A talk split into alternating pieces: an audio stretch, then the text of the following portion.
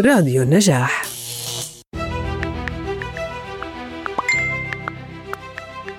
قبل عشرة آلاف سنة قبل الميلاد نشأ المسرح كحالة تعبيرية حيث بدأ الإنسان حينئذ بمحاكاة قوى الطبيعة التي طالما احتاج إليها في فترات الجفاف وقلة الخيرات والعواصف والكوارث.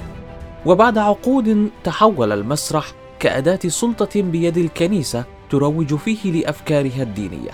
بعد سنوات طوال ظهر الراديو ومن ثم التلفاز كثورة حقيقية في وسائل التواصل مع الجماهير فأصبح وسيلة لتتبع الأخبار من جانب أو للتسلية من جانب آخر. والأهم أنهما أصبحا فيما بعد أداة تقود عموم الجماهير وتشكل الرأي العام وتعين الساسة على سياساتهم التي يريدون تطبيقها. اليوم وبعد قرون ظهرت وطورت وسائل التواصل الاجتماعي لتأخذ محل الراديو والتلفاز معا وتصبح الوسيلة التي تأخذ مسارات الأحداث. أية أحداث كانت لوجهة لا يمكن توقعها. هذا بودكاست دوليات من راديو النجاح وأنا سعد جردات. أهلا بكم.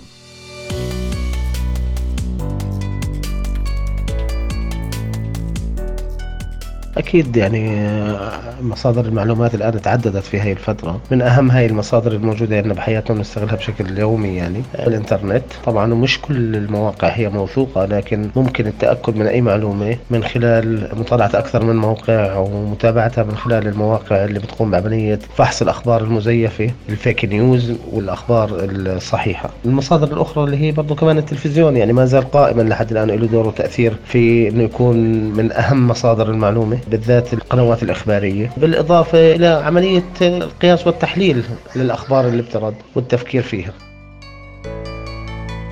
المصدر الأساسي للأخبار والمعلومات بالنسبة لي هي القنوات الرسمية بداية. لأن مصداقية نمبر 1 لقناة الجزيرة بالنسبة لي. التوجه الثاني قنوات التليجرام اللي بتيجي من مصدر شخصي زي ما بنحكي اللي هم صحفيين الموبايل اللي بيصوروا أشياء موثقة بنفس اللحظة. وبعدين بنروح لصفحات الشخصية لبعض ال influencer. أنا بأخذ أخباري ومعلوماتي من الفيسبوك. طبعا عن طريق الإنترنت ومحرك البحث جوجل. يعني هاي المصدر الأساسي للمعلومات. ممكن في مصادر أخرى. بس هي هي الاساسيه يعني. المصدر الأساسي للأخبار والمعلومات هي آه، مواقع التواصل الاجتماعي. وبشكل أساسي الصفحات الأخبارية اللي أنا متأكدة من مصداقيتها ومن صحة نشرها للمعلومات. آه، وعن طريق البث الحي والمباشر آه، للقنوات الإخبارية عبر اليوتيوب وغيرها من المنصات. إذا لم تعد وسائل التواصل الاجتماعي كما اسمها أي إن الهدف من وجودها فقط التواصل مع الآخرين بل خرجت عن كونها كذلك إلى وسيلة بث للأخبار وعرضها ووسيلة مهمة أيضا في تشكيل الرأي العام وتتبع آرائه حول القضايا العامة من خلال أدوات قياس الرأي العام عبر هذه المواقع. الأمم المتحدة جعلت يوم السابع عشر من أيار مايو اليوم العالمي للاتصالات ومجتمع المعلومات الموافق ليوم تأسيس الاتحاد الدولي للاتصالات وتوقيع الاتفاقية الدولية الأولى للبرق في عام 1865 وتركز الأمم المتحدة في احتفاليتها السنوية على تطوير الاستثمار الرقمي إضافة إلى تمكين أقل البلدان نموا من خلال تكنولوجيا المعلومات والاتصالات. في الأردن يعتقد البعض أن أصحاب القرار ركزوا على محاولة تطوير وصول شبكة الإنترنت وقدرتها دون النظر إلى تحسين الجوانب التي تجعل استخدام هذه الشبكة على وسائل التواصل الاجتماعي أكثر نفعًا للمجتمع المحلي. بل ذهبت إلى تقويض الحريات العامة التي من شأنها الحد من رفع المستوى الثقافي والسياسي خاصة لدى فئة الشباب من خلال ما يسمى بقانون الجرائم الإلكترونية. تأثير الإعلام الحديث على الحياة السياسية ودوره في تشكيل الرأي العام ونقل الحقائق كل ذلك وأكثر سنناقشه مع ضيفي العزيز الأستاذ خالد القضاء عضو مجلس نقابة الصحفيين الأردنيين. أهلا ومرحبا بك أستاذ خالد وأبدأ حواري بإحصائية تقول أن استخدام الشباب الأردني ممن يتراوح أعمارهم من 18 إلى 35 عام للإنترنت بشكل يومي آه، بنسبة تبلغ 96% وبمعدل خمس ساعات يوميا. كيف أثر برأيك هذا الاستخدام المتزايد على رفع الوعي السياسي لدى الشباب وعلى مدى كذلك مشاركتهم السياسية الفاعلة؟ التقرير اللي أشرت له إنه من الشباب الاردني من سن 18 ل 35 سنة بيستعملوا حوالي خمس ساعات يومية بنسبة وصلت ل 90% هذا يدلل على آه، سياسة الأردن بشكل عام والمؤسسات الأردنية في إتاحة الإنترنت وسهولة استخدامه والوصول والتسجيل إليه وأن تكون على شبكة آه، الإنترنت متصل مع العالم بكلف معقولة وعادية. فهذا رفع نسبة وجود الشباب على شبكة العنكبوتيه إلى هذه النسبة المتقدمة. أعتقد أنها من أكثر النسب تقدما بالعالم. العالم. آه، وهذا انعكس على مشاركة الناس في الحياة السياسية وتعليقهم على الأحداث العامة. لكن المشاركة السياسية بمعنى أنهم ينخرطوا بالأحزاب أو أنهم يعلقوا بشكل مختلف على مختلف القضايا أعتقد هذه تحتاج إلى دراسة أعمق. ما زلنا نعلق على الأحداث بشكل مجتزأ وغير منضبط أحيانا.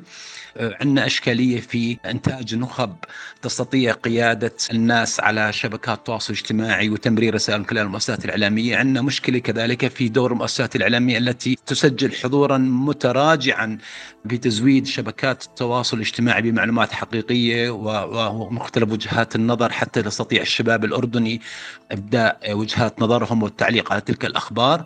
آه، ممكن تلاقي هذا حاليا في مشاركة سياسية واعية حقيقية داعمة مثلا لما يجري في غزة ومناصرة. المقاومة الذي يعتبرها الشباب الأردني أنها مشروعة لزوال الاحتلال وكذلك هي مقاومة ومشاركة سياسية مناهضة للعدوان الإسرائيلي على قطاع غزة. المشاركة السياسية الأردنية ممكن تكون نحن نعلق أكثر على الأحداث العالمية نتفاعل أكثر على القضايا التي لدينا اتصال بها سواء كانت في العراق أو سواء كانت في فلسطين أو سواء كانت في حتى في سوريا وما يجري بالمنطقة.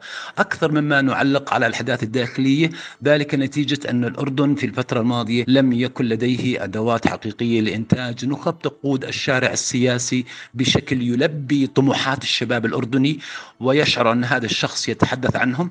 حتى في فترة من فترات وصلنا أن الشباب الأردني أخذوا زمام المبادرة وأخذوا يعلقوا على الأحداث لكن هذا التعليق في الشؤون السياسية المحلية. ممكن نشهد ذلك التفاعل أكثر مثلا في قضايا الانتخابات أو قضايا حتى المشاركة بالأحزاب درجة أقل من الأحداث العامة التي تشغل الشارع الأردني. للأسف أنه إحنا آه، كمؤسسات عجزنا عن إنتاج نخب سواء كان بالبرلمان أو حتى بالقيادات المؤسسات العامة وكذلك المؤسسات الإعلامية لم تقم بالدور المطلوب لقيادة الحوار على آه، شبكات التواصل الاجتماعي أو الفضاء الرقمي في القضايا السياسية، لكن الشباب الأردني واعي قادر على أنه يعيد إنتاج نفسه قادر أن يعبر رأيه آه، بشكل ممنهج واحيانا يخرج عن إطار المألوف وترتكب فيه بعض اختراقات القوانين الناظمه لحريه التعبير بالأردن، لكن هذا النتاج بمجمله يحافظ على ثلاث ثوابت بالأردن هي مؤسسة العرش والجيش والقضاء. يقول تقرير وكالة الأنباء الأردنية أن مجمل عدد الشائعات من وسائل التواصل الاجتماعي في العام الماضي 1457 شائعة مقابل فقط 503 شائعات من وسائل الإعلام الأخرى. برأيك أستاذ خالد كيف يمكن حماية الشباب من المحتوى الزائف والأخبار المضللة وما هي التحديات الحقيقية التي تواجه الشباب في ظل كم المعلومات والبيانات المتزايد عبر هذه المواقع؟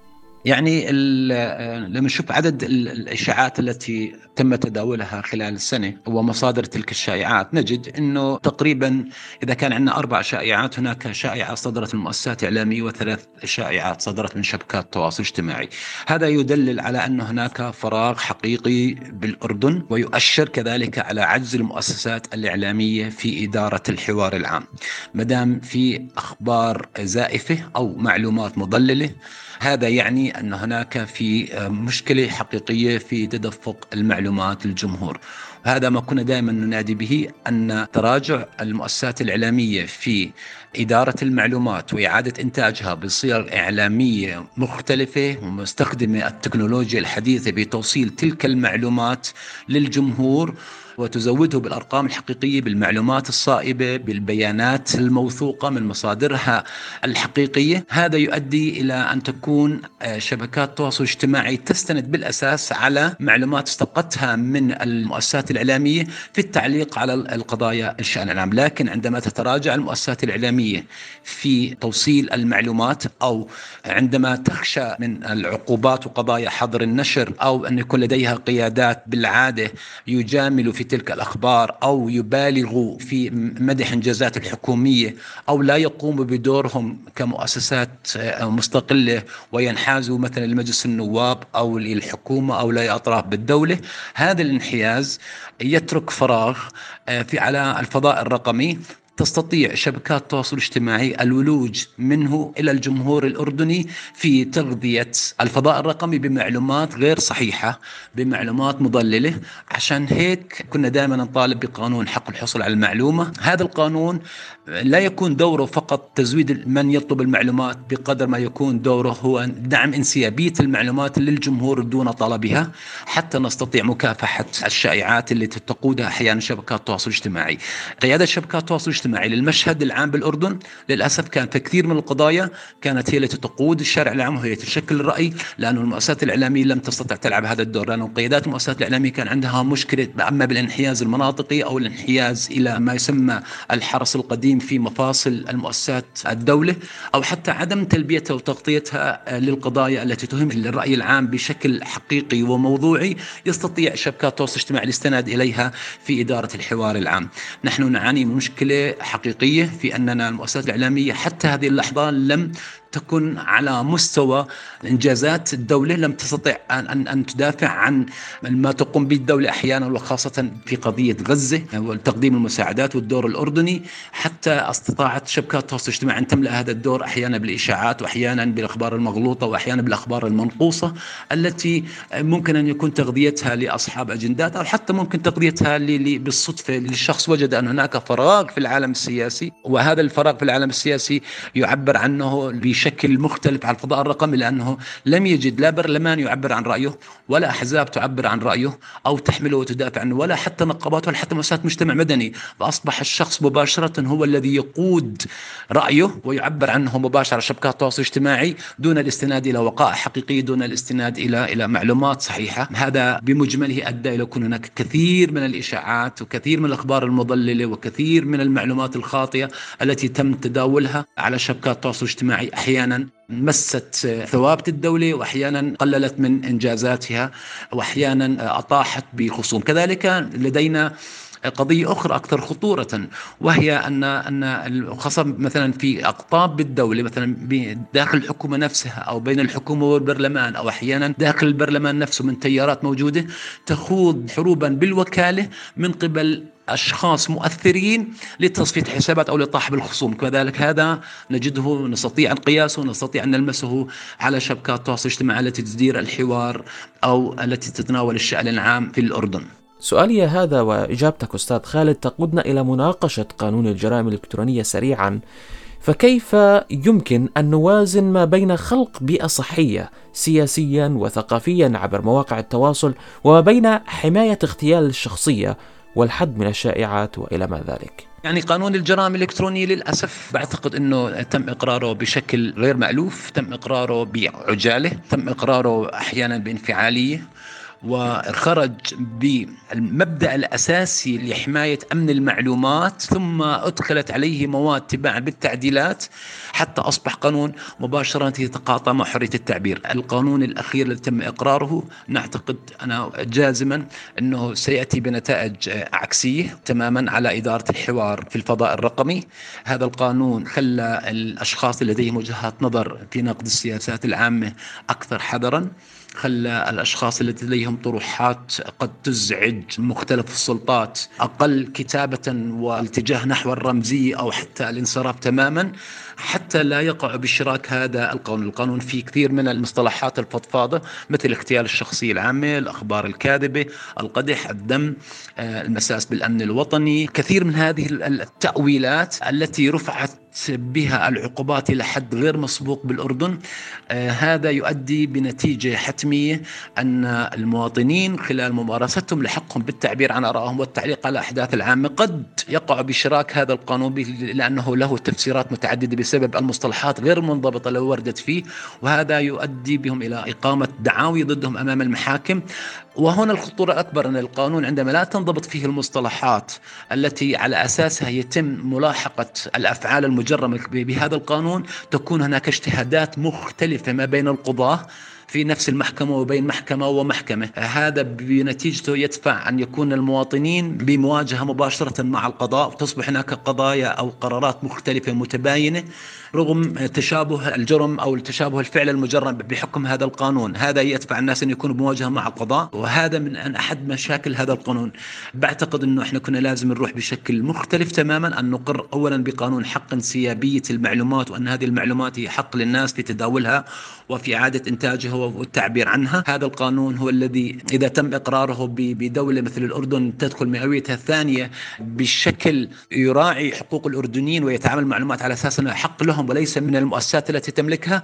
أعتقد أن كنا لا نحتاج إلى قانون جرائم إلكتروني ولا نحتاج إلى تغليظ لأنه الأسباب الموجبة في قانون الجرائم الإلكترونية يمكن معالجتها من خلال انسيابية المعلومات وهي الإشاعات والأخبار الكاذبة واغتيال الشخصية لأنه هذا لا يمكن أن يتم إذا كان هناك إتاحة حقيقية للمعلومات. حتى لو قرينا قانون حق الحصول على المعلومات قرينا بشكل مشوه لأنه الصيغة التي أنهى مجلس النواب مناقشتها حاليا هي صيغة تعود لعام 2019 هناك كثير من الأمور تغيرت من بين 2019 و 2024 أولا مثلا إقرار قانون آه، الجرائم الإلكترونية وكذلك إقرار قانون آخر مهم آه، له علاقة بالمعلومات وهو حماية البيانات الشخصية. الشخصية وكذلك آه، الأحداث التي مرت بها الأردن داخليا مثل مطعوم آه، الإشاعات التي رافقت آه، حملة تطعيم ضد الحصب الألمانية. كذلك أهمية المعلومات التي تمريرها الجمهور والتي تبني رأي عام وشفنا ذلك جلي. ومهم جدا ما يحصل حاليا من العدوان على غزة في بناء الرأي العام مناصر لمواقف الدولة.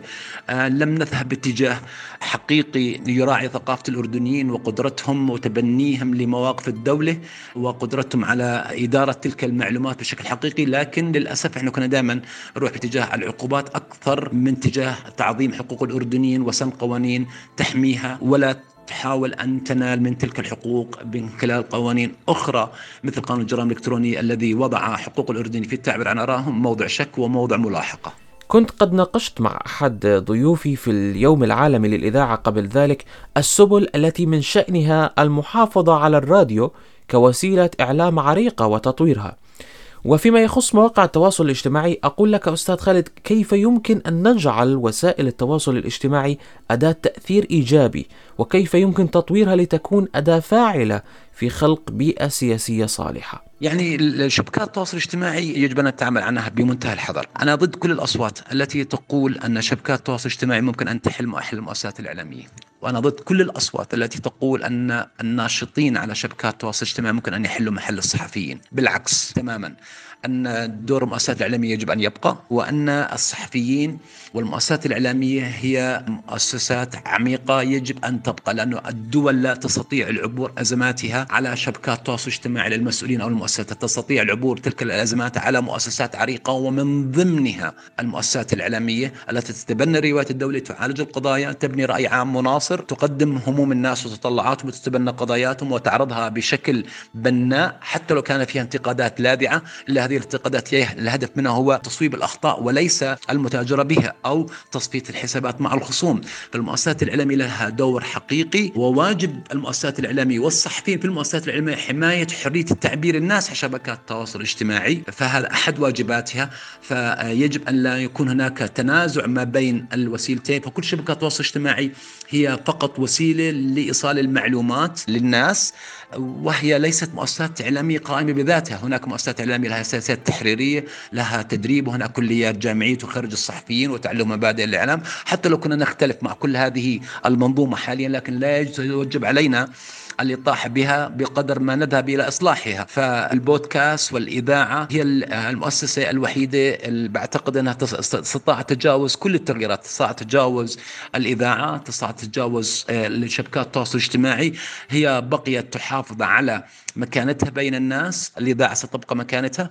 البودكاست مهم لكن المؤسسات الإعلامية يجب عليها أن تغير من سياساتها تذهب أن كل مؤسسة إعلامية يجب أن تتحول إلى مؤسسة إعلامية شاملة. مثلا الصحف الورقية يجب أن يكون لديها بودكاست تستخدم كل التقنيات الموجودة التي وفرتها شبكات التواصل الاجتماعي والتقنيات الموجودة. التلفزيون نفس الشيء ممكن أن لا يكتفي بالبث على عبر الشاشات ممكن أن يبث كذلك محتوى من خلال شبكات التواصل الاجتماعي. هذا وصول أكبر للجمهور. آه، المحتوى مطلوب لكن علينا أن نحذر أن لا نتنازل عن ملكية الجهد للزملاء والمؤسسات الإعلامية لصالح شبكات التواصل الاجتماعي.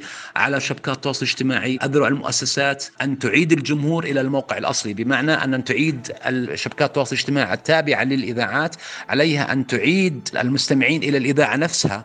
وكذلك الصحف الورقية شبكات التواصل الاجتماعي التابعة للصحف الورقية عليها أن تعيد الجمهور إلى قراءة الصحف أو الاطلاع على موقعها الإلكتروني حتى لا تفقد المؤسسات قيمتها ودورها وتبقى هي المزود الأصلي للمعلومات. وهذا يعني إدامة تلك المؤسسات واستمرار عملها لأنه كل ما أنت نشرت محتوى تبعك شبكات التواصل الاجتماعي أنت تنازلت عن ملكية هذا المحتوى لصالح تلك الشبكة. فهذه الشبكة التي تجني الأرباح من خلال الإعلانات وأن مؤسستك الأم ستعاني من شح في مصادرها المالية وتأخذ تطالب في طلب دعم من الحكومات وهذا يوقعها مجددا في قضايا تضارب المصالح وأن تصبح تدور فقط في فلك الحكومات من خلال الضغط عليها بمصادر التمويل. الأستاذ خالد القضاء عضو مجلس نقابة الصحفيين الأردنيين شكرا لك على تواجدك معنا. في تقرير كتب على أثر ندوة استشارية في سانت جورج هاوس كجزء من الفعاليات في برنامج معهد كوشام للقيادة الفكرية أن استخدام التكنولوجيا الرقمية من قبل الحملات السياسية الشعبية لها تأثير مهم على الصعود السريع لبعض الشخصيات السياسية نحو البروز أو نحو مواقع القوة. إذا فمن يدري ربما استخدامك الأمثل لمواقع التواصل الاجتماعي وقيادتك للحملات السياسية قد يقودك لمنصب قيادي أو سياسي بارز يمكنك حينئذ من أحداث التغيير المنشود.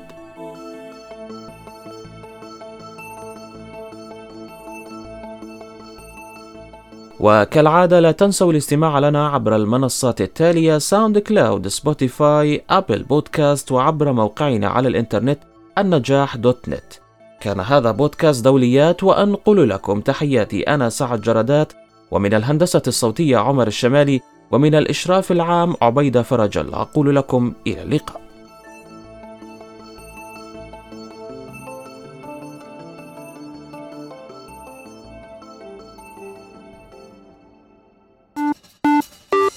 راديو النجاح.